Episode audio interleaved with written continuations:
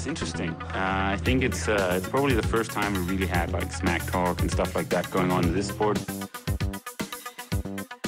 He's definitely been more successful here I mean, in, in Hawaii. But I've beaten him up many times, and he knows that when all the people aren't around him patting him on the back and he looks at himself in the mirror at night when there's no one else, he knows I'm the real deal. Some people talk and they never won Ironman in Hawaii, so I could talk. I won twice.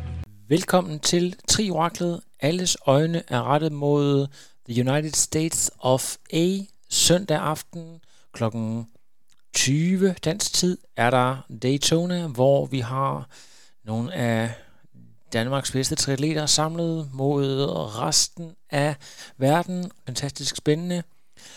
Det er naturligvis også noget, vi kommer ind på i dagens interview. Der er faktisk Thor Slagsen. Først har jeg Mathias Lyngsø med, der hjælper mig med at præsentere den nye Hoka superhurtige Rocket X, som han var ude at teste af i et improviseret halvmaratonløb i en ret fantastisk tid – Derefter skal vi over til ugens hovedinterview med ingen ringer ind.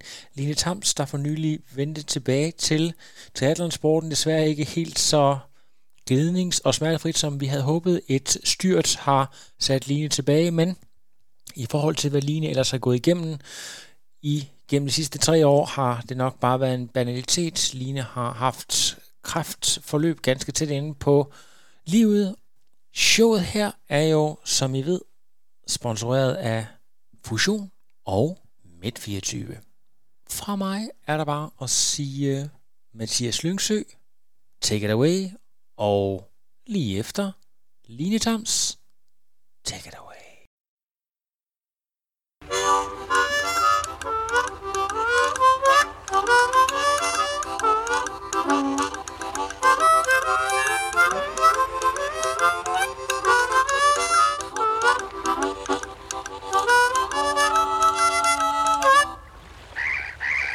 Mathias Lyngsø, velkommen til øh, podcasten her. Vi skal tale lidt øh, sko, og øh, hvem bedre end dig til at tale lidt om øh, Hokas nye rocket-model? Du var faktisk ude og teste den i et øh, sådan et improviseret halvmarathon, du havde sat op sammen med en sponsor. Kan du ikke lige prøve at fortælle lidt om, hvordan det gik det så? Jeg har set nogle, nogle klip på de sociale medier. Det var egentlig at øh, det var lidt sådan i, i, i mangel på bedre, og så havde jeg øh, snakket meget med, øh, Martin Johansen, en, øh, en age fra, fra København, omkring øh, en, der også øh, har noget med Hoka at gøre, omkring at skulle løbe et Hoka-løb, øh, ud at løbe et motionsløb på Hoka. Øh, men så kom det kære forsamlingsforbud på 10 personer, og så blev det lige pludselig meget svært at finde noget, der, der gav mening, og så, så kiggede vi så lidt på hinanden og sagde, ved hvad, så laver vi det bare vores eget. Ja. Øh, og så fik vi så uh, U-Perform, uh, Niklas der U-Perform med ind over.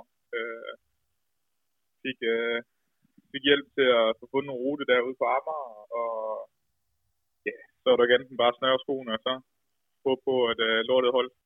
Og så, jeg, må, jeg må bare sige, den dag var i løb, det var ikke verdens varmeste dag, jeg tror, der var sådan noget 1 grad, hvis det der kan gøre det, og du, du ligner nærmest Michelin-manden, alligevel formår du at løbe ret utroligt, synes jeg i hvert fald, 1-8, og så sådan noget 48 sekunder. Personlig rekord, så vidt jeg ved. Ja, altså det, det er så også første gang, jeg, jeg nogensinde løber en, sådan et ren halvmarathon. Ja, var du, var du, ellers så har det jo altid været off-bike. Var du selv lidt overrasket over, altså i forhold til, til øh, sæsonen og så videre, det, det virker virkelig, virkelig hurtigt? Jamen, det var jeg. Altså, jeg vil sige, øh, drømmescenariet havde været 1-10. Øh, fordi jeg vidste, at det ville jeg godt have kunne løbe med den løbeform, jeg havde øh, der i Gdynia. Øh, men altså, så øh, efter øh, så de første 5 km eller sådan noget, der har jeg 1.13 eller 3.13 i, øh, i snit. Og så når jeg sådan lidt til sådan et punkt, hvor jeg siger, okay, nu, øh, nu skal jeg enten til at trække håndbremsen og falde ned på pace, eller så, så må jeg komme et, og så sætte tid i banken til, når jeg engang går kold. Ja. Øh, og så bare håbe på, at jeg har fået sat nok tid i banken, til stadigvæk at kunne løbe en hurtig tid. Og det må øh, man sige, du og gjorde. Og der jeg så komme et. Det, det må man sige, du gjorde. Var det uh, uh, U-Perform uh, Assistance på, på cyklen, der kunne give dig mellemtider, eller hvordan havde I sat det op? Nej, det, det var, øh, det var egentlig bare på, på uger, og det er også derfor, at tiden er også det er lidt usikker med, fordi det, det, det, det er på ren GPS. Ja. Øh, med de, med de usikkerheder, der nu må være, men jeg tror, at øh, der er vist ikke nogen ja. med, med øh, clear conscience derude øh, her i coronatiden, der ikke har forsøgt at sætte en, en person i kort på, på GPS. Når nu engang det, det er det, man har at gøre med i de her tider, så tror jeg også, at øh, folk de, de har respekt for det. Oh, ja, ja, ja, men det, det, det, men det som sagt, man skal bare lige nævne det i, ja, nemlig, altså, en, det er lidt ligesom Murray, han har glemt at nævne det, da han satte hans helt latterlige 10 kilometer har forsøg, men så, så, så længe man lige har nævnt det, så, så kan de jo komme efter en. En lille disclaimer, øh, ganske ja. udmærket. Jeg, altså, ja. jeg må jo bare sige, altså i forhold til, øh, til der, hvor vi er i sæsonen, vi har jo, du har været på tidligere, talt du, din sæson har jo egentlig været lang. Du startede med at, du er en af de få, der har nået at køre en, øh, en fuld Ironman i år, øh, nede i, på den anden side af jorden, øh, New Zealand. Øh, bygger du op til et eller andet nu her, eller er det bare ganske almindelig grundtræning, den her øh, speed, den kommer af? Ja, yeah. øh, altså vi, øh, jeg tror meget, altså, du, du, du vil kunne se det meget rundt omkring i, i de forskellige klubber herhjemme, også rundt omkring i verden. Altså den der, i, øh, den idé om, at man har noget, der hedder sådan in-season træning og noget grundtræning. Altså den der kløft imellem de to, den, den bliver mindre og mindre. Altså det der med, at man siger, at man så altså, her hen over vinteren, det er grundtræning, det vil sige, det, det er kilometer, kilometer, kilometer, og løber på sig tempo, og så, så er det bare ren fart når sæson, hvor, hvor mange også træner, altså der er ikke kæmpe stor forskel på måden, vi træner på nu, og så måden, vi træner på, når vi er i sæson. Altså, ja. der er selvfølgelig der er lidt mere kvalitet, både fordi, at det skal vi have, men også fordi du, du er i lidt bedre form på det tidspunkt, hvis så kan du holde til mere kvalitet også. Ja. Altså, det er begrænset hvor meget kvalitet, du kan holde til nu, fordi et, du ikke er i særlig god form, men vil heller ikke få god form, men, men jeg tror, at mange af os har, har en, en, en vis andel kvalitet i træningen stadigvæk. Så, så det ikke er det der med, at du, du, du er sådan milevidt fra at være raceform. Så, så jo, det tror jeg lidt kan være forklaring på det. Mathias, du er jo gammel svømmer, du har ikke sådan øh, fortid på banen. Jeg kommer bare til at tænke på, når du nu har løbet den her tid, øh, så er det jo lige før, at man skulle lave et, et attack, når du rent faktisk var i rigtig god form, for at se, hvor langt du egentlig kan klemme det ned. Er det noget, du, du har gået og tænkt her på de sidste par dage? Både over, altså, fordi det, altså, det, det, er jo det, der er sjovt som, som atlet, at, at, at nu er altså 1 og 8, det er jo, det er jo en fin tid for en triatlet, men, øh, men, men er vi løber, så, så, så er det jo en knap så god tid. Øh, jeg kan se, at jeg ikke Thijs dernede og løber omkring 1.03 og alt muligt, og, og så der kan jeg jo ikke komme ned.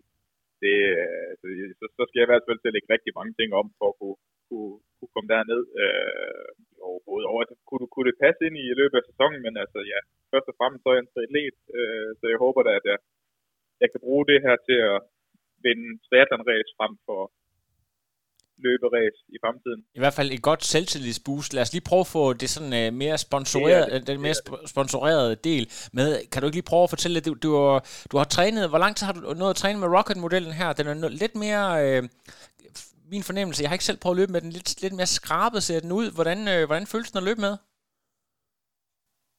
Jamen, den er, øh, nu, det var så faktisk anden gang, jeg løb i den. Jeg havde lige noget at prøve et intervalpas med den op til. Øh, men den er, altså, sige, den er, den er forholdsvis anderledes i forhold til, til hvad man sådan er vant til af en Hoka-model. Øh, øh, jeg synes, øh, generelt er, er, er solen ret bred i de her Hoka-modeller, og det kan du også godt mærke, når du sådan løber i den, at, at der er rigtig meget support til din fod dernede, fordi solen den er så dejligt bred. Øh, og den er markant smalere her i, øh, i Rocket X'en. Og så er det, altså igen, jeg har desværre ikke prøvet at løbe i, i andre carbon-sko for hverken Nike, Adidas eller hvad det ellers er på markedet, men, men ja, man kan godt føle, at den er, altså løber du opvarmningstempo i den, løber du øh, lettere intervaller i den, så, så vil du føle, at den er sådan lidt wobbly. Lige indtil, at du så sådan presser den i bund, altså når du sådan, så når du virkelig lægger vægt, og virkelig arbejder med underlaget, så er det sådan lidt ligesom, at så, så, så, så, så skifter skoen. Så siger den bare lige pludselig, okay, fint nok. Og så sparker den der bare bag i, som jeg aldrig nogensinde har prøvet at blive sparket bag i før. så er det altså virkelig uh, der er bouncy effekt? Det er der virkelig, men, men man skal så også, altså du, du skal så også give den noget. Altså, man, man skal næsten have, altså det er lidt, det er jo ikke det, der sker, men, men du skal lidt have fornemmelsen af, at altså, træder du den i bund, så giver den tilbage. Træder du den ikke i bund, så, så, så, så er det bare sådan lidt noget noget. Ja, okay. Øh, så en, en, en, en rigtig, rigtig god racesko. Øh, altså, jeg tror, altså, jeg har nok løbet et minut, to minutter langsommere, hvis jeg ikke havde løbet den. Så meget alligevel? Ja, okay. Ja, nok, nok et minut, tror jeg, skulle faktisk over 21 km. Ja. Øh, øh, Mathias, du har vel trænet også i, i den, der hedder, den der man sådan måske er nærmest, den der hedder Carbon X. Hvordan ja. Øh, er den i forhold til den? Den er meget, meget mere aggressiv. Øh, altså jeg vil sige, øh, skal jeg løbe en 5 og en 10'er, måske op, op, op til et halvmarathon her, og, og, eller en halv Ironman, så vil jeg, øh, så vil jeg vælge Rocket X uden problemer, men skulle jeg køre en hel, altså skulle du helt op og løbe et marathon, øh, der vil jeg der vil jeg være lidt splittet omkring, om det skulle være Carbon X eller Rocket X, fordi at det, det er lidt, øh, det er, det er lidt mere øh, sådan øh, vild og, og farlig sportsvogn over Rocket X ja. frem for Carbon X. Øh, og det, det er jo en, det er en god fordel, når du, når du er frisk og kan holde teknikken, men, øh, men, men jeg, jeg vil tro, at, at Carbon X'en vil være bedre for de længere distancer. Det, der, men der, den er, der er lidt mere støtte i den, den er lidt mere lækker at løbe i.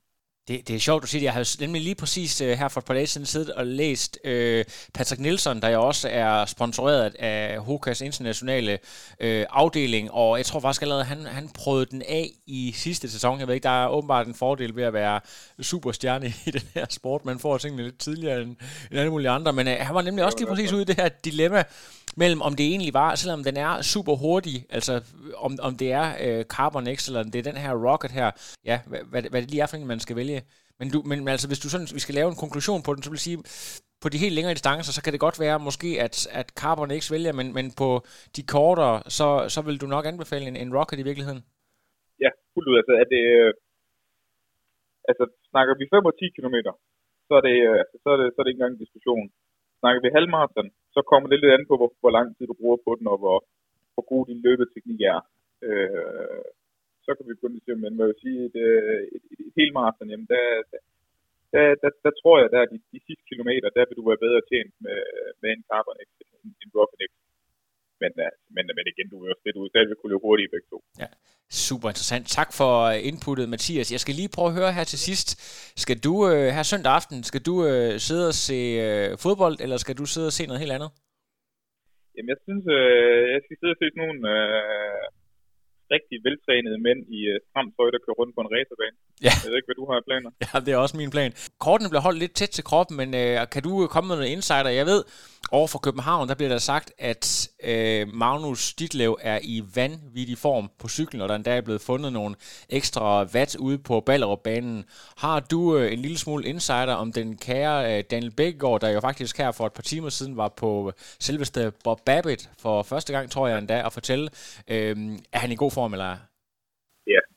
Det er det korte svar. Øh, ja, ja, fordi det, det, det, det er det rigtige svar. Altså, Daniel, han er han møder uforberedt op.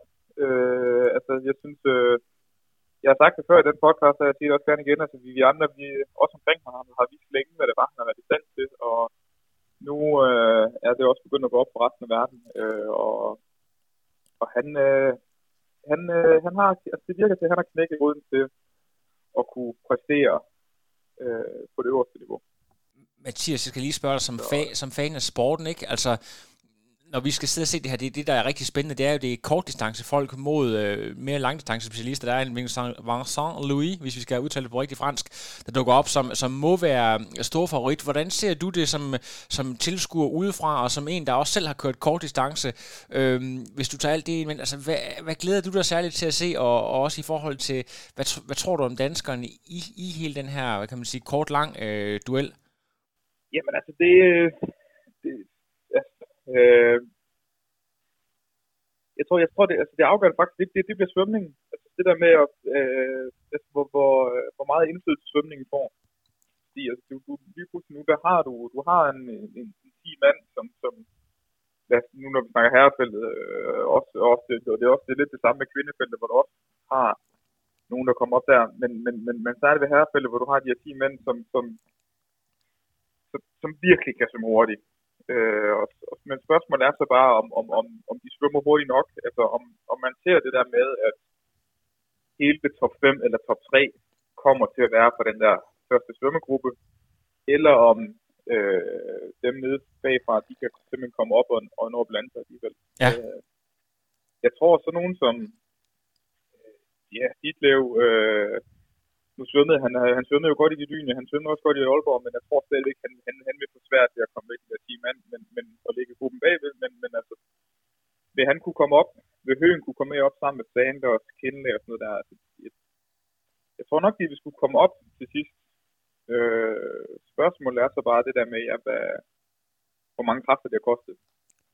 Ja, øh, Mathias... Der, der er også nogle rigtig gode løbere, der er i frontgruppen. Ja, lige præcis. Der er jo 20 meter draft-zone, øh, som øh, nok også kommer til at, at have en vis indflydelse. Tror du, det kan være til sådan en som Daniel eller Høens fordel, Magnus osv.? Jamen, det, øh, det kommer an på, hvordan de håndhæver den. Øh, ja.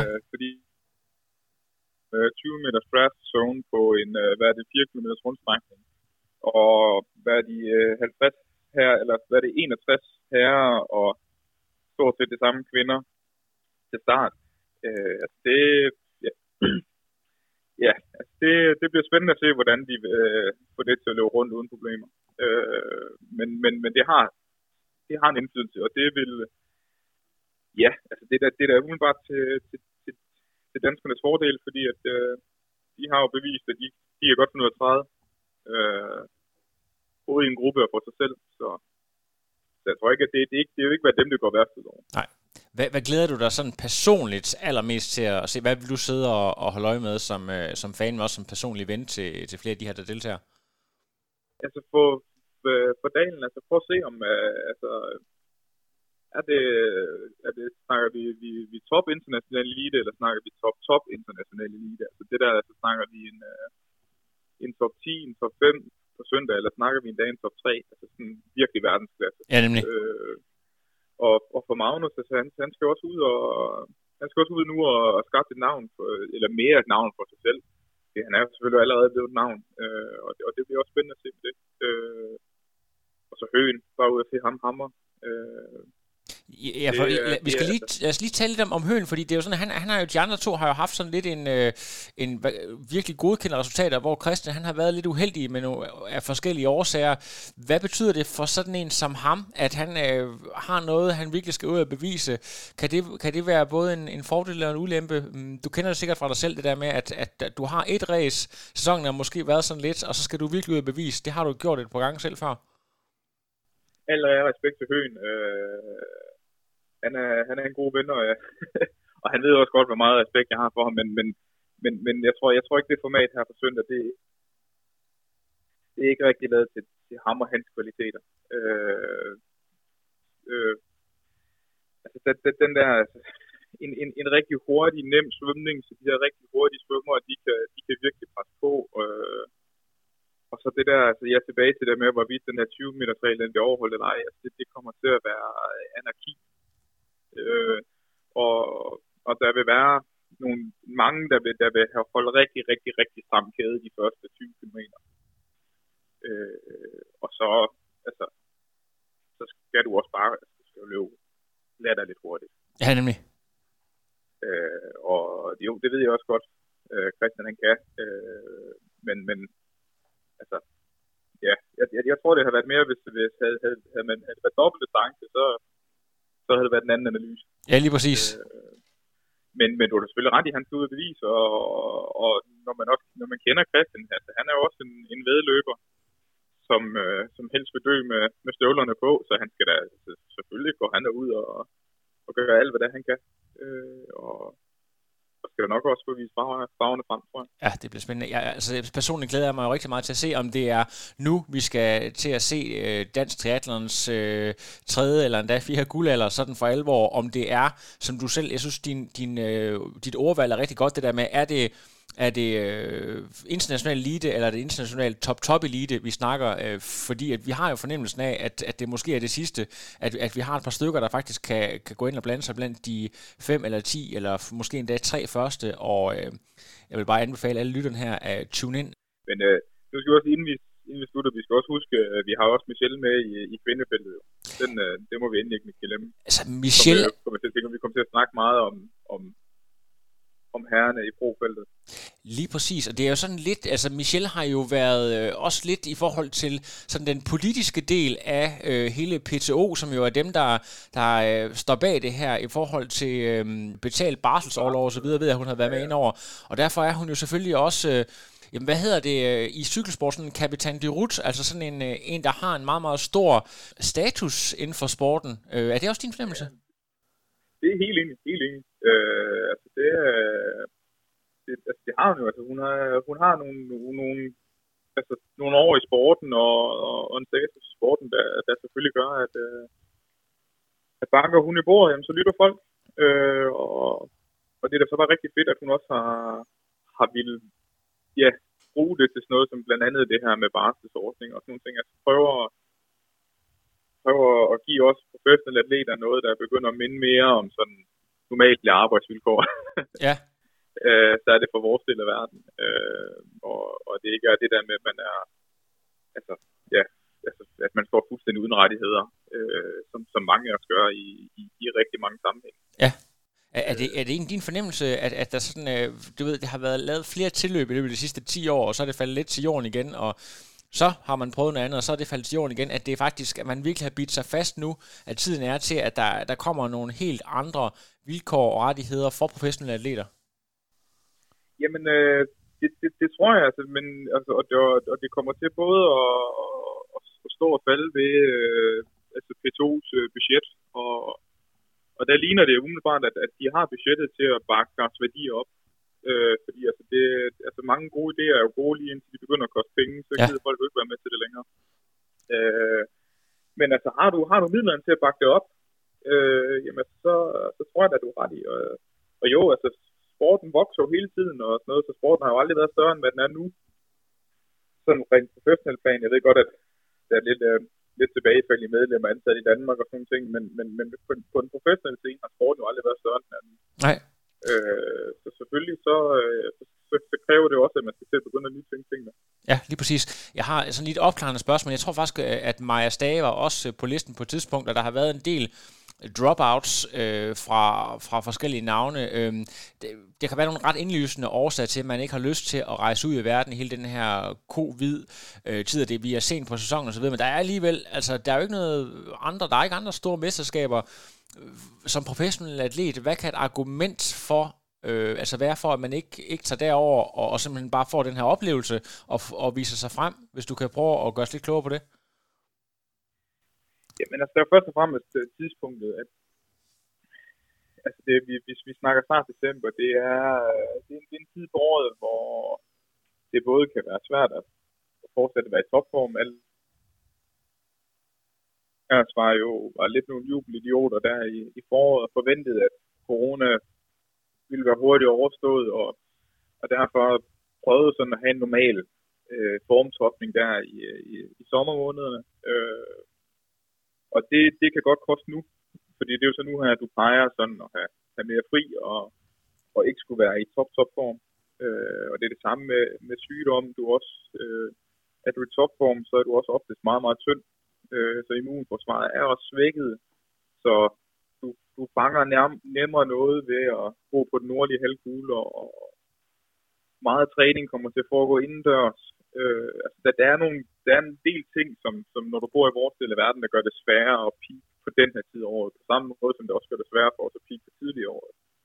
Fordi du ikke, du ikke har de der sommermåneder til virkelig at lave noget arbejde. Ja. Øh, og så ved jeg så godt, så kan man sige, at det handler det ikke bare om at tage sig sammen, men jo, til en vis grad gør det, men, men du kan bare ikke helt lave samme kvalitet, hvis alt foregår i øh, Men og så er der så sandsynligheden for, at du også har nogle småskavanker på den her tid af året, er også større, fordi du så har, har haft et, et, et helt år til at få akkumuleret lidt noget.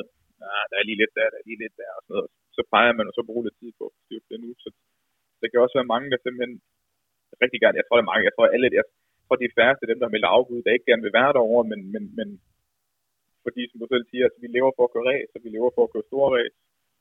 Så, så melder du afbud, så går jeg ud fra, at der er en, en god årsag bagved det. Jeg, jeg tænkte personligt, kan, kan vide ikke også, det, her det bliver aflyst, selvom at der er mange, der har sat sig på det. Altså det der mentale med, at, at race, de bare bliver aflyst og aflyst. Hvor meget tager det på en øh, professionel atlet, øh, det her med, at man ikke, man ikke ved, om tingene bliver sådan noget eller ej? Jeg tror, jeg tror mange af os, der vil, altså det, det, det er både terror, men, men, men så måden, hvis man så håndterer det på, det er jo, at altså for at nå til den del af sport, mange også nå til, så, så, så skal du være omstillingsparat, og du, og du lærer det der med, at den måde, jeg kan kontrollere ting på, det er ved at kontrollere de ting, jeg kan kontrollere. Og jeg, det, jeg kan kontrollere, det er min egen træning og min egen forberedelse. Jeg kan ikke kontrollere, om, om kontrollere om ræsen de bliver sådan noget nej. Så nu prøver jeg bare at fokusere på det, jeg selv er herre over. Og det er min egen træning. Det er min egen tilgang til øh, alt muligt andet. Øh, så, så, på den måde, du så finder noget ro i bare at forberede dig, og så bliver det daglyst, og ikke bliver til noget, jamen, så, så kan du så kigge dig selv i spejlet og sige, jamen, altså, jeg gjorde i hvert fald mit. Øh, så, så, så, altså, og det har du også set, altså de ræs, få ræs, der er blevet kørt i år, så det er jo ikke fordi folk de møder op så 3 kilo tungere, end hvad de plejer at være, og ikke kan finde ud af noget. Altså folk møder jo forberedt op alligevel. Ja, det må man sige. Øh, fordi at, altså, det, det, det der, altså, ja, gjorde vi det for bare kun at køre ræs og for, for alt det fame og sådan noget der, jamen så, det, det er jo ikke det, vi gør det for. Vi gør det jo, fordi vi, vi, vi kan ikke lade være med at straffe os selv på den igennem noget træning, og vi kan ikke lade være med at jagte de sidste procenter. Øh, og jo, det er blevet lidt sværere i år, men, men, men det har jeg synes også ikke rigtig ændret på. Okay, så, så mindset er der stadigvæk. Det er ikke noget, der forsvinder bare fordi, at der ikke er konkurrence. Man, man jagter den stadigvæk i den daglige træning. Øh, de her procenter og, og flere gains øh, hele vejen rundt. Fuldstændig. Fuldstændig. Ja. Du, ved jo, du ved jo også godt på den anden side af bassinet, altså fordi alle dine konkurrenter, de gør det samme, og på et eller andet tidspunkt kan vi begynde at køre race igen. Ja. Øh, og så skal du ud og vise, hvor hårdt det er, du har arbejdet. Så det, der, der skal mere til at stoppe det maskineri, med at over på.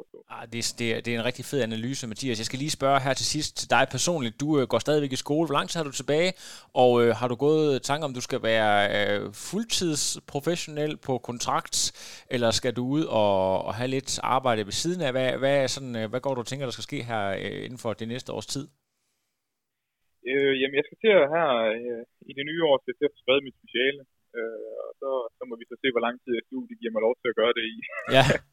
øh, men øh, nej, altså jeg, siger, jeg tror, jeg har altid haft tilgang til, at jeg vil blive ved med det her, så længe jeg selv synes, det var, det var spændende, og så længe det gav mening.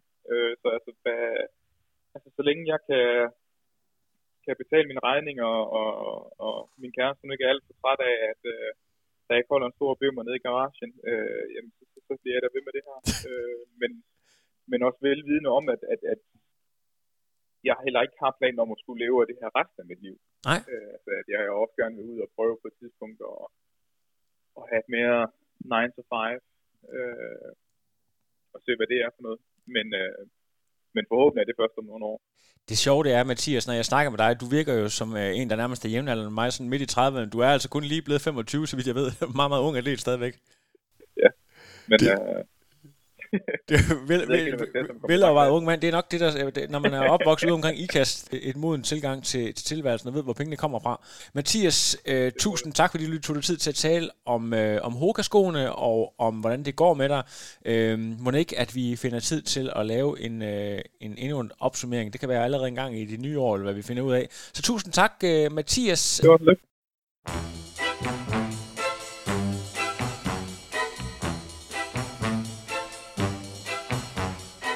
Line Tams, velkommen til Trioraklet. Det er jo ikke første gang, du er på, men øh, der er sket, der er løbet en del vand under broen siden sidst. Øh, først og fremmest, øh, velkommen til.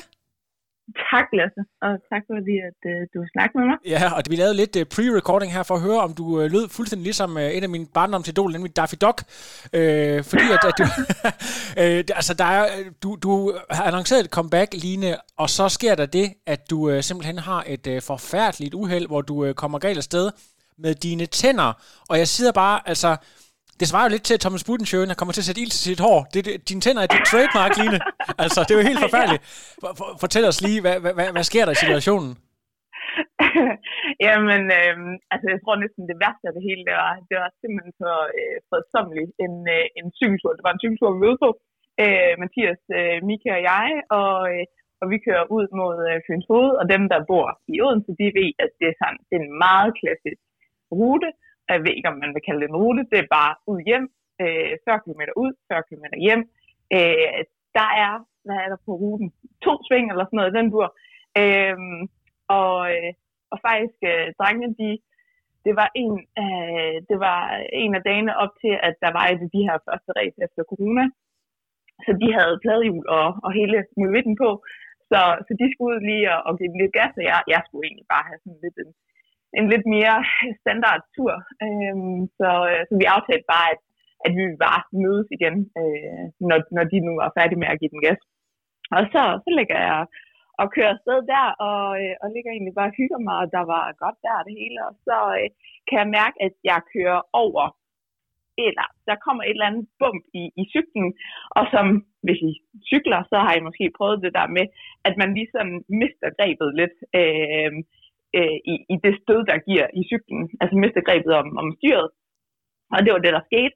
Og sådan, altså, 999 gange ud af 1000, der griber man den jo så igen. Og det gjorde jeg bare ikke her. Så jeg var bare, altså, begge hænder fløj af styret, og øh, så var det bare face down øh, ned i øh, asfalten. Og så, så landede jeg lige på, på hagen. Øh, selvfølgelig ingen andre steder. Øh, og, og sådan, i forhold til nogle af de andre styr, jeg har lavet, så har det været sådan, altså man når lige at tænke sådan, okay, 3, 2, 1, nu laver jeg et rullefald. Bum, og så lander jeg. Øh, og her, det var bare smak lige ned på, på snotten. Og så, øhm, og så, så satte jeg mig op, og jeg tænkte, startede jo lige med at kigge mine skuldre og kravben og sådan. Jamen, det var, det var fint, og nå, var også egentlig tænkt først. Jamen, det var meget rart, der skete ikke noget. Og så begynder jeg at kunne smage noget blod. Og så laver jeg lige den der sådan, tunge lige køre hen over tænderne, og så kan jeg bare mærke, det er bare Jerusalems ødelæggelse inde i munden. Det er bare grus. Øhm, Ej, for fanden. Fuldstændig. Øhm, jeg kan bare mærke, altså sådan, de tænder, der er tilbage øh, i overmunden, de sidder sådan lidt øh, i og peger lidt i hver sin retning. Nå, så tænker jeg, okay, jeg skal sgu nok på skadestuen. Øh, men så er der faktisk øh, en anden cyklist, der kommer og ligesom får, får, får hjulpet mig med at, at, at ringe. Og så kommer Mika og Mathias jo i løbet af et par minutter og, og øh, lige får mig øh, godt, godt videre. Øhm, og så kom jeg så ind på skadestuen der, og øh, var der i, eller var på sygehuset i et par dage for jamen, dels lige at få syet min hage, der jo så var reddet op, og øh, jeg skulle lige have lidt øh, plastikkirurgi på, på min læbe. Der havde jeg mistet sådan det, der svarer til sådan et fingerled, øh, sådan to gange en centimeter-agtigt. Øh, og så øh, skulle de lige finde ud af, hvad jeg skulle gøre med, hvad jeg skulle gøre med tænderne. Nå jo, og ja, så brækkede jeg så kæben to steder. Så jeg kommer også hjem med boil på. Så det er simpelthen øh, øh sonde med lige frem, eller altså ikke fordi, at vi skal sådan, det, det er jo ikke noget at joke om, det er jo ret alvorligt, men øh, har, du, har du kunne spise fast føde i, i den periode der? Øh, jeg, måtte, øh, jeg måtte ikke tykke i øh, syv uger. Oh. Så, øh, og, og de første fire uger, der var, altså der, den bøjle, jeg havde på, den, den var fuldstændig fixeret. Sådan, så det var nemlig, øh, som du siger, det var sådan noget. Øh, sådan, altså, så op til konsistens af sådan en kold skål, kunne jeg, kunne jeg få, få ned igennem en sugerør. Og så fik jeg så løsnet lidt op i bøjlen, og så de, de næste tre uger, der kunne jeg sådan få lidt mere sådan regulære smoothies og sådan noget, den dur, øh, og suppe. Så, så det, var, øh, det var lidt bedre, og, og nu kan jeg spise igen. Line, jeg har lige et lidt øh, mærkværdigt spørgsmål, fordi dig som atlet, forskellen på at øh, rive en skulder af led, eller brække et kravben, og så det andet, som er jo ganske forfærdeligt, men det er jo lidt mere forfængeligt, kan man sige, hvis du mangler to fortænder.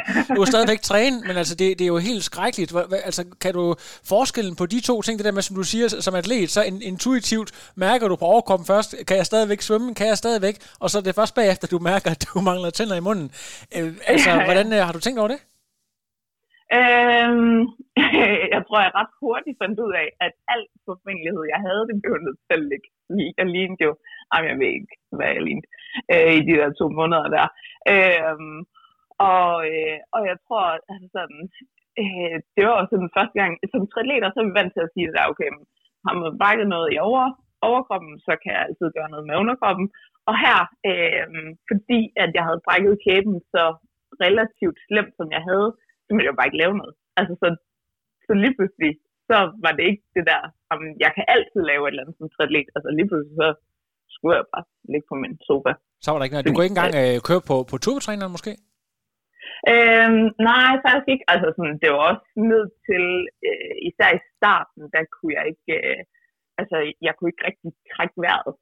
Øh, altså sådan, øh, jo, jeg kunne selvfølgelig trække vejret igennem, igennem næsen og ikke og sådan helt standard igennem munden, men hvis jeg bare blev en lille bitte smule forpustet, altså så, så øh, det var som at leve øh, i bouldergang øh, 5. Ja, altså, det er, og din egen høj, højde træning og trække vejret igennem et sugerør. Men øh, lad os lige prøve at, at spole tiden en lille bitte smule tilbage, fordi allerede det, du laver et comeback, du har jo været igennem, en, øh, dig og din øh, kæreste Adam har været igennem et helvede sammen som par, hvor Adam har haft et meget, meget alvorligt kraftforløb, og du beslutter dig for at lave det her comeback, og det synes vi jo alle sammen er helt fantastisk, og har glædet os til at se, øh, du kommer tilbage, og man kan jo sige, lige på nuværende tidspunkt er der jo... Øh, sådan lidt et, et hul, i hvert fald på mellemdistancen, hvor, hvor du også gjorde dig rigtig fint, inden at du ligesom var nødt til at trække dig tilbage. Hvordan, hvordan i forhold til det her comeback og, og, og den her distance, er det noget, du har gjort en overvejelse om? Sådan, som du også siger, det, det var jo egentlig lidt min plan allerede efter, efter OL-kvalden i 16, og, og lidt mere øh, lege med, med den der mellemdistance. Øhm, og jeg nåede jo så også lige at køre øh, et par enkelte øh, mellemdistancer i 17, inden at øh, hele bolden den, den ligesom rullede. Øh, så, og jeg tror, altså siden da, så øh, det har jo egentlig siden da hele tiden været min plan at så køre, altså jeg har næsten hele tiden siden da haft et race i hovedet, som har været sådan noget 5-6 måneder ude i fremtiden og så er det ligesom bare, som om, så er der lige kommet nogle bump på vejen. Øhm, og så sidder vi her været fire år senere. Ja. Øhm, men altså, jeg, jeg, jeg sidder stadigvæk og kigger på, hvad der nu ligger om et halvt år. Så du har stadigvæk det der ude i fremtiden, vi skal også tale meget mere omkring hele det der, altså hvad man går igennem mentalt som atlet i sådan et forløb der. Men, men øh, der, der er jo også lidt andre perspektiver. Du nævner selv OL og så videre. Du og øh, øh, Ditte, Ditte Christensen var, var kørt i stilling allerede meget tidligt i din karriere til, øh, til Rio, og øh, af flere forskellige årsager, så blev det jo ikke rigtigt til noget, men øh, altså hvor Ditte, hun er jo sådan trukket sig tilbage fra sport, men du er stadigvæk her, og, og som du siger, stadigvæk motiveret og kigger frem. Hvis du kigger tilbage på hele det der forløb nu, hvad er så egentlig din analyse af, af, af det forløb, og grunden til, at du egentlig stadigvæk er motiveret for at være i sporten? Ja, altså man kan sige, da jeg rykkede til Odense i 2013 øh, fra Aarhus, der, der tog jeg jo ret hurtigt et, et ret stort niveauryk øh, fra at være sådan øh, en af de fem bedste i Danmark til, til at at jeg i starten af 2014 ligesom blev øh, blev satset, øh, eller kom ind i satsningen fra, fra Dansk Triathlon i forhold til en af de her to pladser i, i uh, OL-gruppen. Og når jeg ser tilbage på det, altså det var drømmen. Det var, altså, kæft, det var øh, to af de fedeste år af mit liv. Øhm, og jo, der, der var nogle hektiske dage, og der var nogle pressede dage. Jeg vil ikke ligefrem sige, at, at jeg havde det fantastisk, når vi kom til sådan en helt klassisk torsdag eftermiddag her på Trikimatu, og det tror jeg alle andre har, øh, fra den periode på Trikimatu øh, kan skrive under på, at torsdag eftermiddag, der var man simpelthen så træt. Kan du lige prøve, øh, Line, du skal lige, du er nødt til lige at sådan skære lidt ud i pap for lytterne. Hvad var der omkring de her torsdage? Øh, gerne i, i malerisk beskrivelse. Jamen, jeg tror bare, at, øh, at øh, vi måden jeg også blev god på, det var, at vi, vi trænede egentlig ikke særlig meget, øh, men altså, sådan relativt set, jeg, jeg kan i hvert fald huske, at da jeg kom fra Aarhus til Odense, der blev min træningsmængde sat betydeligt ned. Til gengæld trænede vi så hårdt.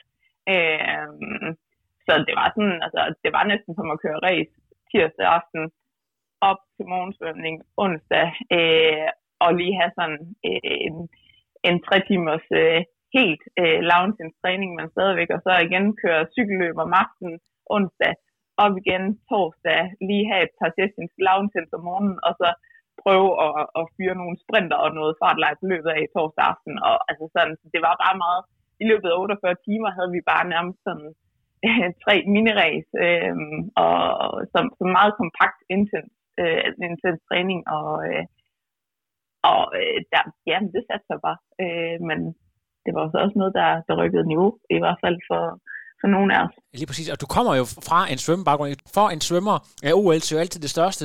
Så det der med at, at skifte dit mindset, øhm, da OL, altså OL-drømmen, den, den glipper en lille smule, og så fokusere på nogle andre ting. Hvordan var den proces egentlig? Øhm, altså, øhm, jeg tror, øh, jo, jeg vil, jeg vil rigtig gerne til, til OL, og det blev jo også sådan, det blev meget tæt på at realiseres, men det var også hele tiden sådan lidt en drøm og sådan lidt en bonus nærmest, øh, at jeg var så tæt på, øh, fordi jeg tror, da jeg gik ind i 2014 for eksempel, der var mit største mål nogensinde, det var at blive dansk mester. Ja. Øh, og, og, og så blev det jo bare på, på noget, noget højere skala, så øh, jamen, det, jeg tror, ja, det er et godt spørgsmål, og jeg tror også, at, at øh, vi nåede jo også at køre rigtig, rigtig, rigtig mange race og, og rigtig mange af de racer, jeg kørte, især på det tidspunkt, det var lidt før, at den her sådan cykelbølge kom ind i, øh, i, øh, i kortdistance triathlon. Så øh, der var så mange racer, hvor jeg var øh, afsted i, øh, i udbrud, og så at det ikke rigtig holdt hjem øh, i sidste ende. Og jeg tror, at det gjorde jo også bare, at jeg havde sådan en ekstrem øh, lyst til at se, hvad jeg så ville kunne på øh, på halvironman i forhold til at, at prøve at få lidt mere ud af, øh, at jeg som relativt set er, er okay til at cykle. Ja, og, og plus at man også sagtens kan lave en rigtig fin karriere nu, at det kunne man måske ikke for 10 år siden. Det kan man jo sagtens i dag lave en rigtig fed karriere på, på halvdistance. Ja, ja, ja, så den der, ja. ja. Og det, det, det, det er jo lidt, altså du er jo, øh, blev du 30 år her i foråret? Ja. Det gjorde du nemlig, og det er lidt sjovt det der med, at du har ikke, du har ikke været, rigtig været aktiv, i hvert fald de sidste tre år, øh, og du er kun 30, det vil sige, at øh, ja, hvis du sætter tingene godt sammen, så, så har du 10, 10 gode år foran, øh, og, og, og kan stadigvæk nå en masse. Men vi, vi, vi er også nødt til lige at snakke om sådan de lidt alvorlige ting, der sker, fordi der er jo en god grund til, at du ikke har racet, det er, at øh, Adam og dig, hvor lang tid havde I kendt hinanden, da, da Adam fandt ud af, at han var syg?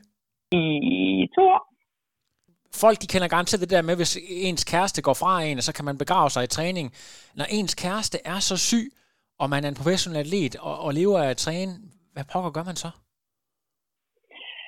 Øhm, jamen, man kan jo sige, øhm, året forud for, for at Adam blev syg, øh, fik min mor hjerneblødning og lå i koma. Og jeg tror, hele det øh, og, og været igennem det år, øh, det gjorde at det der med, at han så fik en kraftdiagnose, det, øh, altså forstår mig ret, det var sådan, det var sgu mere til at forholde sig til. Altså det der med, med liv og død og sygdom, det er sådan, det er lidt mere at forholde sig til, synes jeg, ja. end det der øh, liv imellem, eller ja, det der er imellem liv og død, altså sådan hele koma-situationen.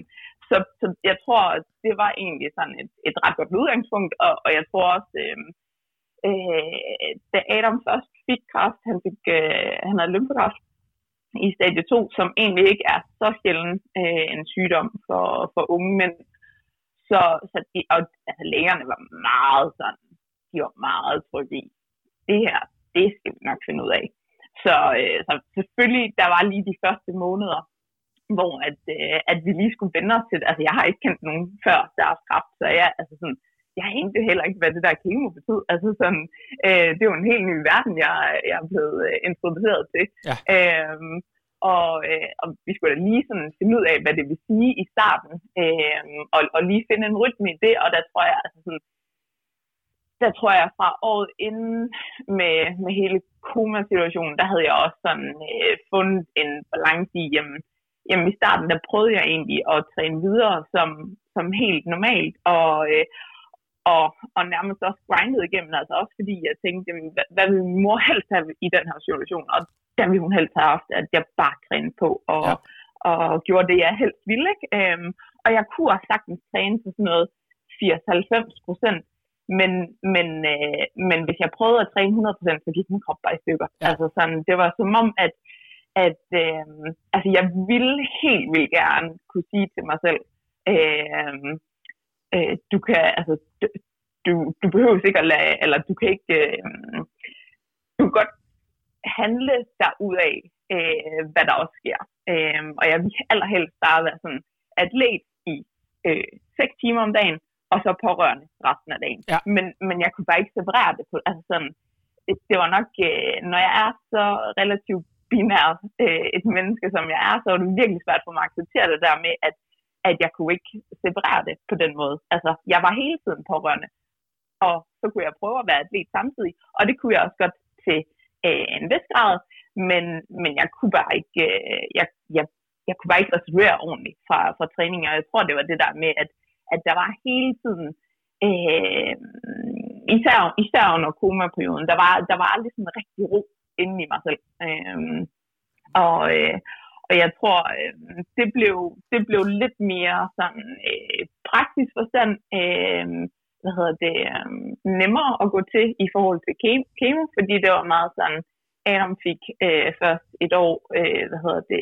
kemo hver anden nu, og det var meget sådan, jamen, så tog jeg også en beslutning om der, og var egentlig noget mere sådan confident i, okay, jeg vil gerne være der for Adam. Jeg har ikke lyst til at tage ud og træne, hvis han ligger derhjemme og er helt grøn i hovedet af, øh, af at være i, i kemo.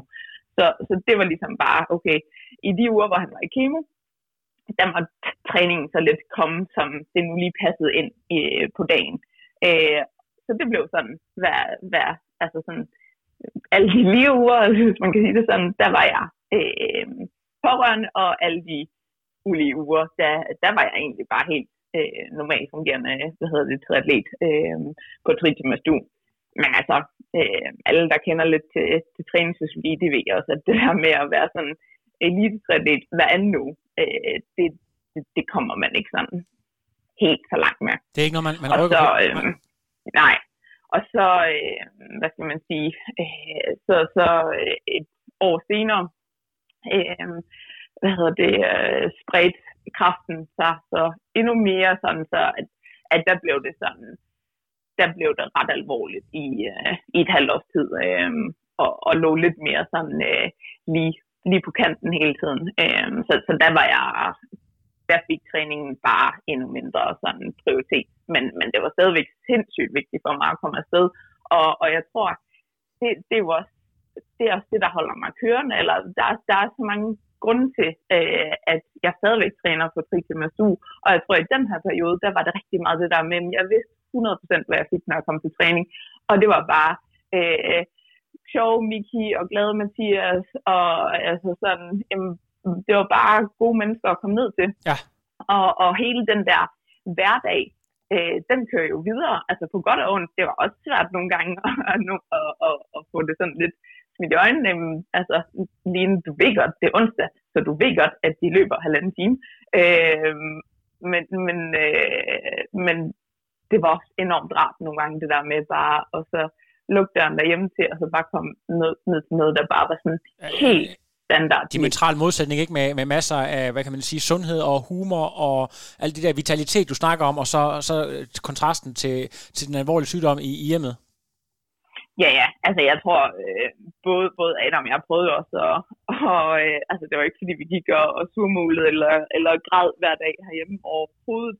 Øh, vi prøvede også at, at gøre så meget, øh, hvad skal man sige, egentlig leve så, så godt som muligt videre, og tage på weekendture og øh, øh, spise øh, ude rigtig mange gange om ugen og sådan noget, men, men øh, det er jo selvfølgelig bare, øh, jamen, altså det, det er jo bare øh, nogle andre oplevelser, jeg også kom hjem til, altså når jeg øh, stod og skiftede hans øh, CVK, øh, eller hvis, øh, ja, når han lige skulle øh, shaves, øh, eller sådan noget den dør, ikke? Ja.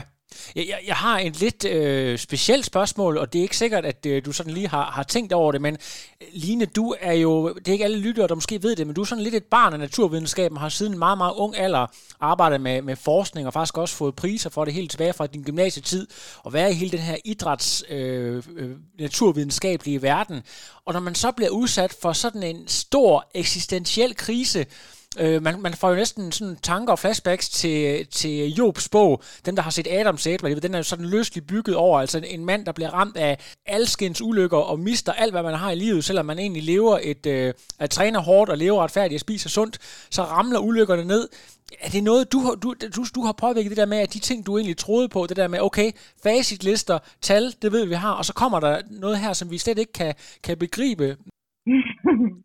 Nej, Nej, øh, jeg tror helt, altså jeg tror helt klart, at jeg er, øh, øh, jeg er blevet mere ops på, hvad der, altså sådan, der er ting, jeg kan kontrollere. Ja.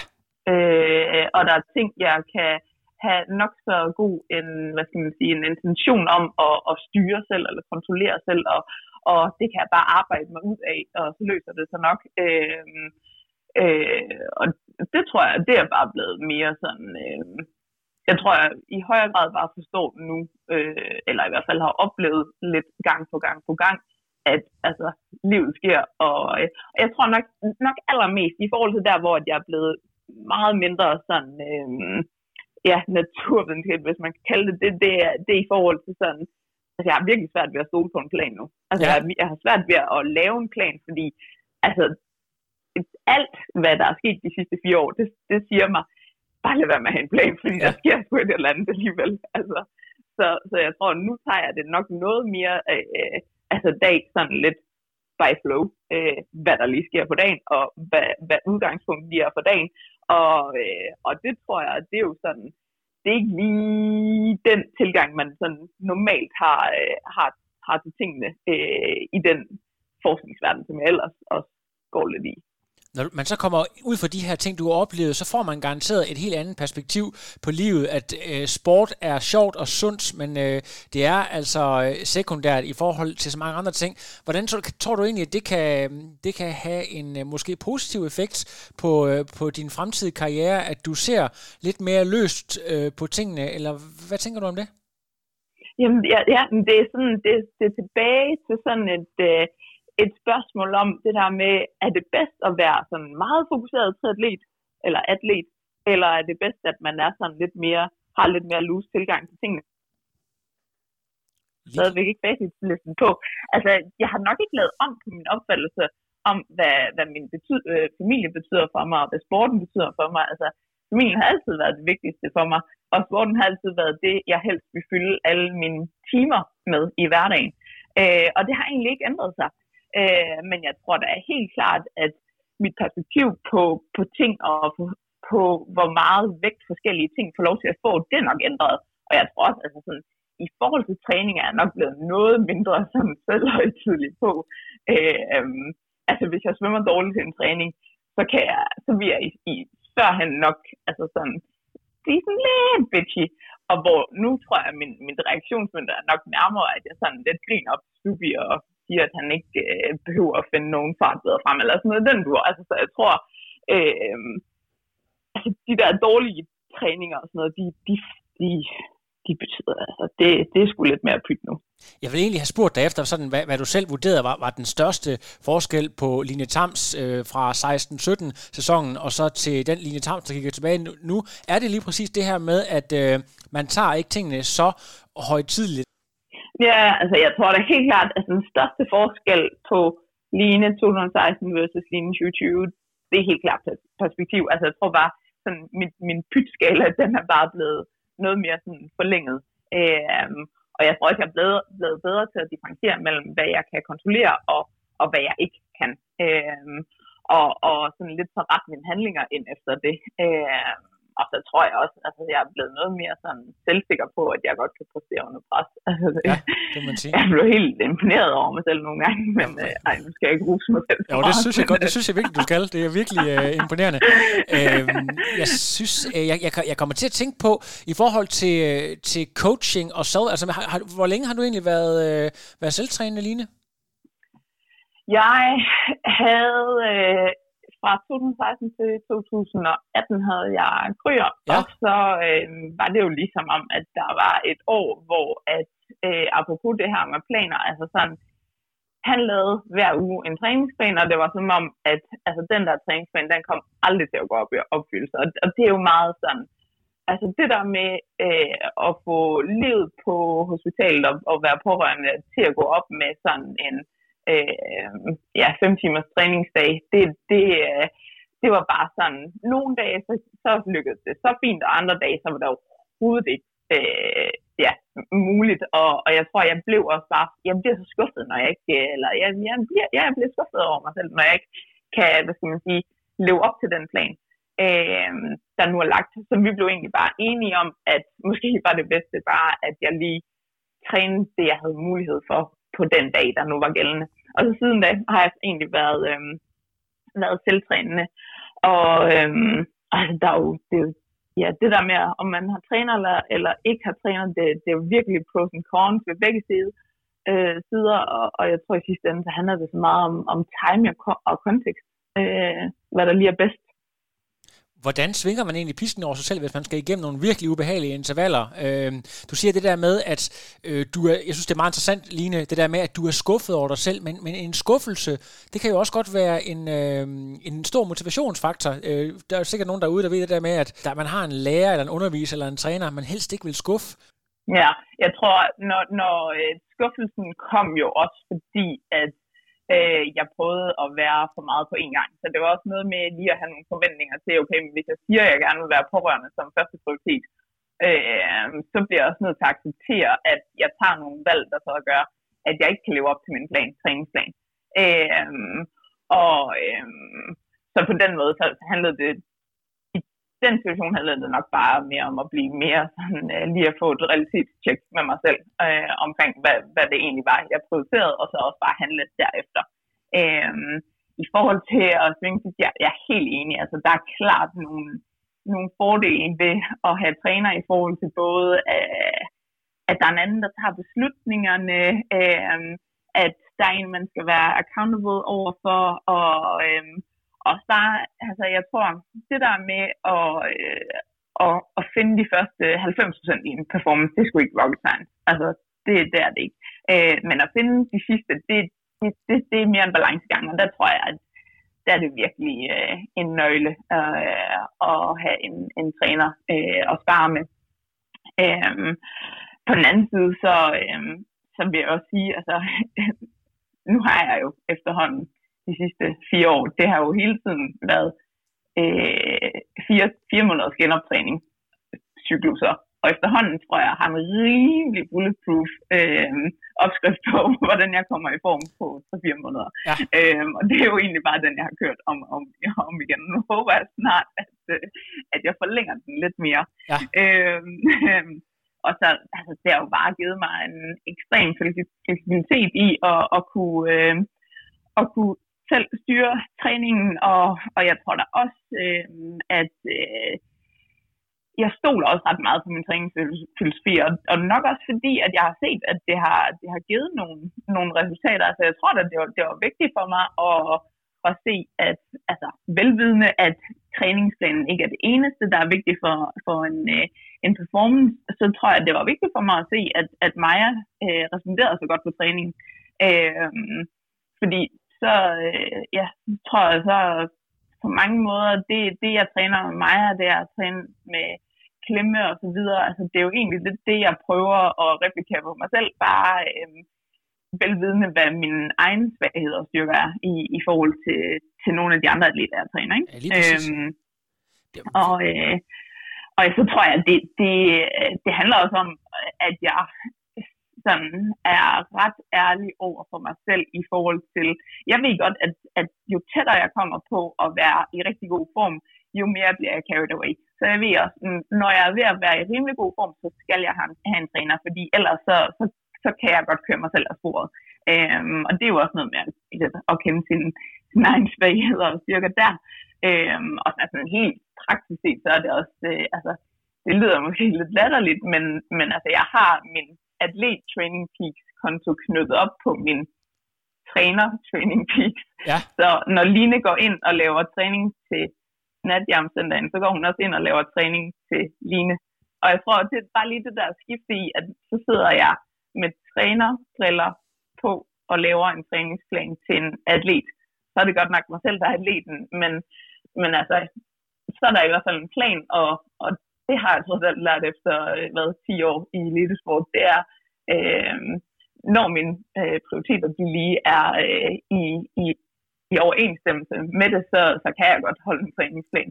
Også selvom altså, sådan, jeg var ude for hvad, to timer siden og, og løb 8 gange to minutter bakker, og jeg skal da altså, gerne indrømme, øh, to minutter bakker, når man ikke er i så god form, det er med langt. Og det er det. De første fem, der lå jeg bare og tænkte, hvem fanden har lavet det her lorteprogram? og det var bare sådan, øj, du kan også bare lave det om, du kan også bare lave det om. Men, men jeg ved bare med det samme, at jeg altså sådan i hvert fald handler på det. En, en ting det er, at jeg tænker det, Øh, men det samme, jeg handler på det, så, så skal jeg også bare have en, have en træner. Ja, det, det, er, det er fantastisk. Jeg elsker det der med, at du har den der skizofrene. Du kan sidde fuldstændig uden at få trække en mine og lave et øh, fuldstændig straight program til dig selv. Og så øh, næste dag i cykeltøjet, så er du rent faktisk den atlet, der er ude og udføre det program, øh, som du selv har siddet og lavet, øh, med, med, bare med en anden kasket på. Det, det synes jeg er super fedt. Øh, Line, ser du lidt dig selv, som vi, jeg har godt tænkt mig at snakke om den der trænerrolle der der er ikke så mange internationale kvindelige toptræner. Der er altså nogle stykker, Cyril Lindley og Julie Dibbens, meget, meget stor succes. Øh, er det sådan lidt øh, din egen drøm, at du, øh, du sådan gerne vil være en, en internationalt anerkendt træner, der arbejder med, med, med topatleter? Mm, altså, øh, det er ikke, det er ikke, jeg har ikke lige, jeg har ikke lige lavet planen for, hvad jeg skal lave om 10 år. Sådan Nej. fuldstændig. Der er mange sådan bolde op, øh, og, op i luften, og og det er jo også bare fordi, at jeg føler mig rimelig privilegeret over, at jeg, jeg har sådan flere forskellige muligheder. Øh, når jeg træner nu her, øh, så er det fordi, jeg synes, det er så fedt. Altså sådan, jeg kunne sagtens lade være. Øh, øh, men øh, men øh, jeg synes virkelig, at øh, altså, det er nogle af de timer, øh, jeg ser mest frem til i ugen, når jeg skal sidde og lave de der planer, og også jamen, den der daglige kommunikation, og, og især når det er op og finde de der sidste procenter, det, det synes jeg skulle, øh, det kan noget. Øh, ja, så, øh, så jo, nu må vi se. Øh, jeg kan sagtens se, at jeg vil ende der. Øh, det vil jeg ikke udelukke. Øh, men det er ikke noget, jeg sådan... Øh, øh, jeg har lagt en, øh, en 10-årig masterplan for. Øh, jeg er simpelthen lidt i tvivl her. Er det dit fuldtidsarbejde at være træner, eller laver du noget ved siden af, bare lige for at opklare det for lytterne også?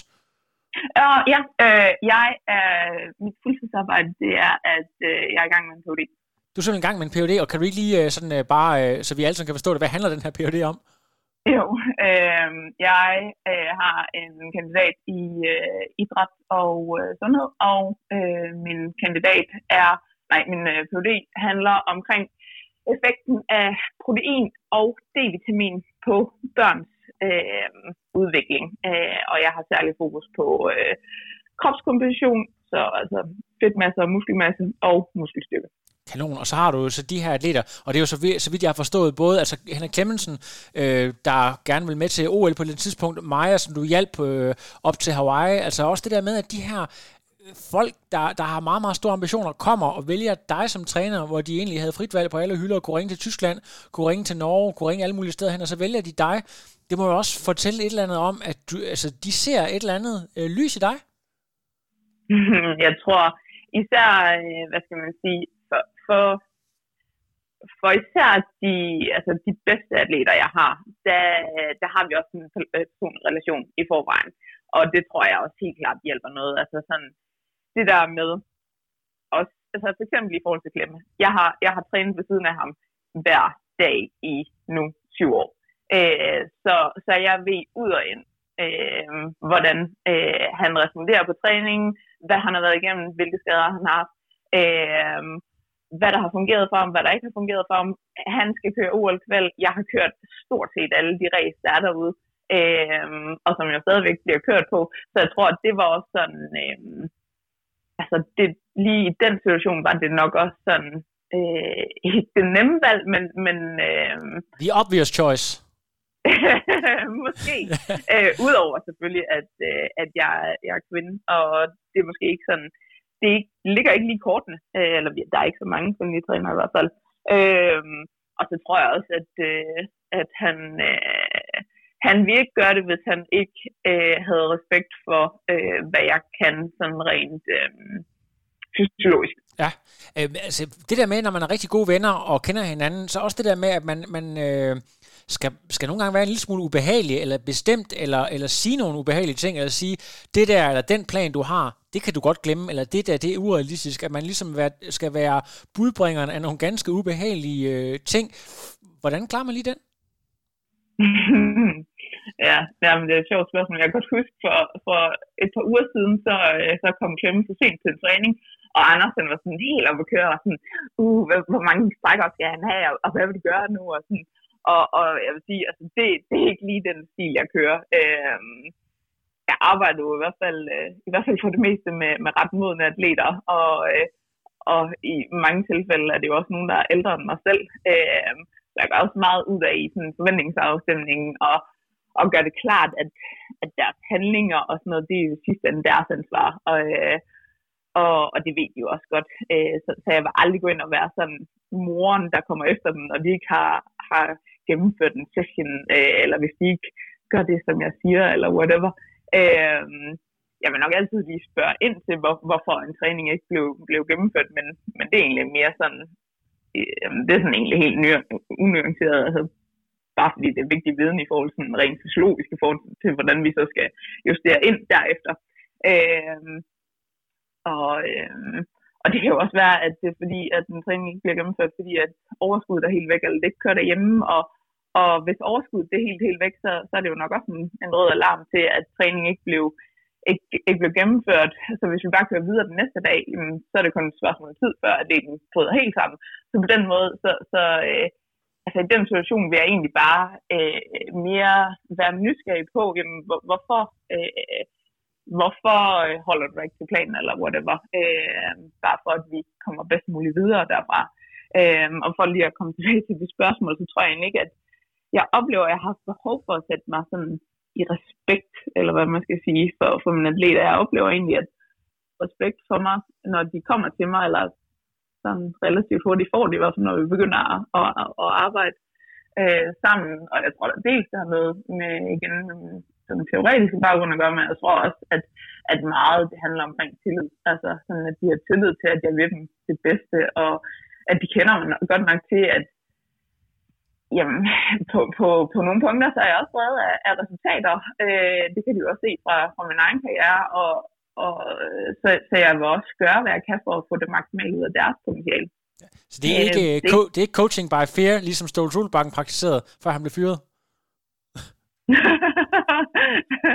Nej, det tror jeg ikke. Okay, og det er også øh, det, det er rigtig fedt. Øhm, hvem er du egentlig selv inspireret af ude på, øh, du har jo prøvet forskellige ting, øh, Kasper Geil har du været tæt på, du har selv arbejdet med, med kryer, du kender lidt til, hvad der er derude. Øh, tager du sådan lidt, øh, håndplukker lidt, eller prøver du på at danne lidt din, din egen skole inden for, for coaching?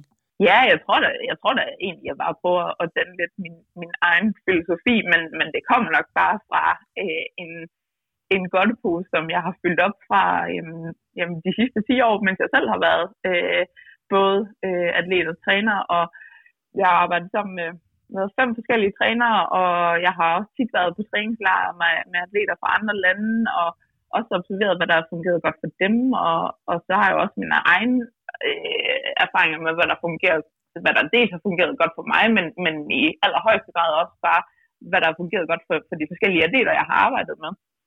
Øh, så der, jeg, vil ikke, jeg vil ikke sige nogle specifikke navne. Jeg tror egentlig, jeg, øh, jeg, er bare, jeg er ret spændt, eller jeg er ret interesseret i, hvad, hvad der findes af forskellige øh, træningsfilosofier derude, og prøver at holde mig lidt opdateret på dem. Øh, altså, som helt ned i bare lige, øh, det er nok en arbejdsskade, men bare lige køre, holde øje med, hvad der kommer af ny forskning, hvad der kommer af ny podcast fra trænere, og altså for eksempel Adam går meget op i, øh, han er sådan en sportspsykologisk konsulent, så han går meget op i, i den kommunikative del af det, øh, og øh, og så, så sparer jeg også tit med ham, altså for at prøve at, at blive en bedre øh, træner i forhold til, altså en ting det er jo, øh, at man sætter en, en god træningsplan op. Øh, en anden ting det er så, hvordan man får den her træningsplan kommunikeret. Og, ja, præcis, og, præcis.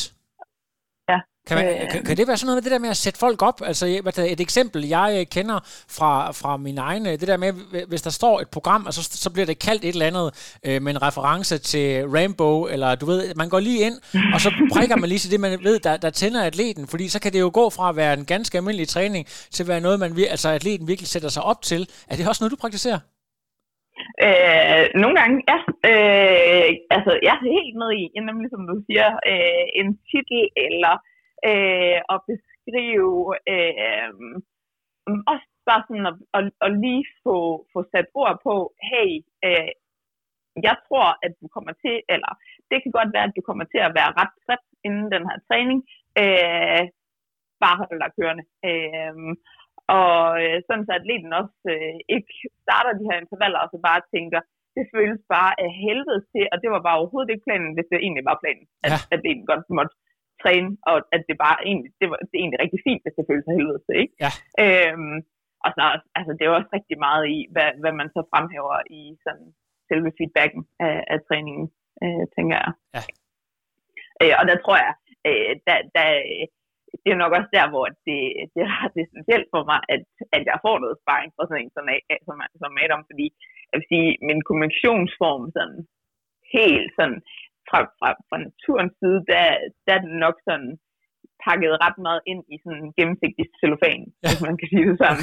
Okay. Og jeg tror, det er måske meget fint, at jeg lige lærer at, at få lidt mere sådan fin gavebånd og, og lidt øh, ja, fin gavepapir og lidt bånd på. At du, at, at du kan udvikle dig den art. Det er jo egentlig også meget interessant, det der med, at der er øh, ja, hele det her spektre, og der hele tiden er noget, man kan, man kan bygge videre på, for at præsentere en samlet pakke. Line, jeg skal lige spørge dig om noget mere. Søndag, der kommer der Daytona, og jeg har faktisk allerede talt lidt med Mathias. Øh, vi havde en lille snak, som blev klippet sammen med den her snak. Skal du også sidde og se Daytona her søndag aften dansk tid? Det tænker jeg. Ja. Det skal du. Og øh, Mathias, vi snakkede lidt om, om herrene. Øh, har du øh, nogle særlige fordus til de, nogle af de kvinder, der kommer til at gøre ved? Michelle skal derover. Det er ikke fordi, jeg regner med, at Michelle kommer til at vinde racet, men øh, hvad, hvad kommer du til at sådan, lægge særlig mærke til, udover at, øh, at det er fedt bare at se noget race i det hele taget?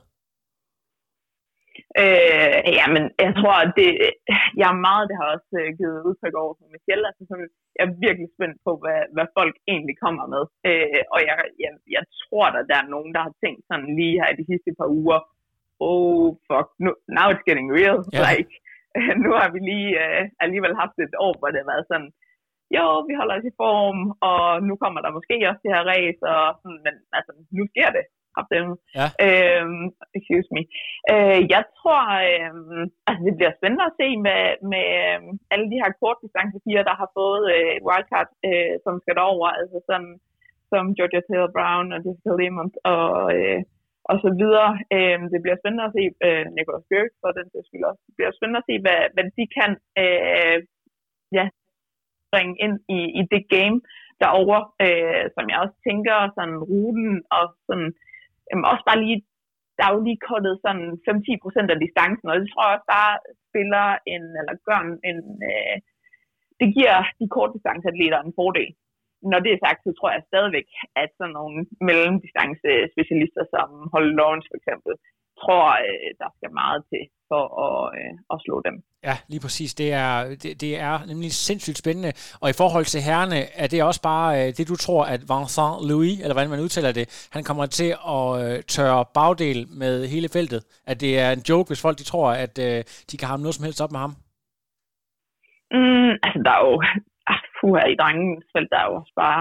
Altså, kæft, det er jo hjernespækket, altså også bare med Brown Lees og så videre. Jeg kan godt...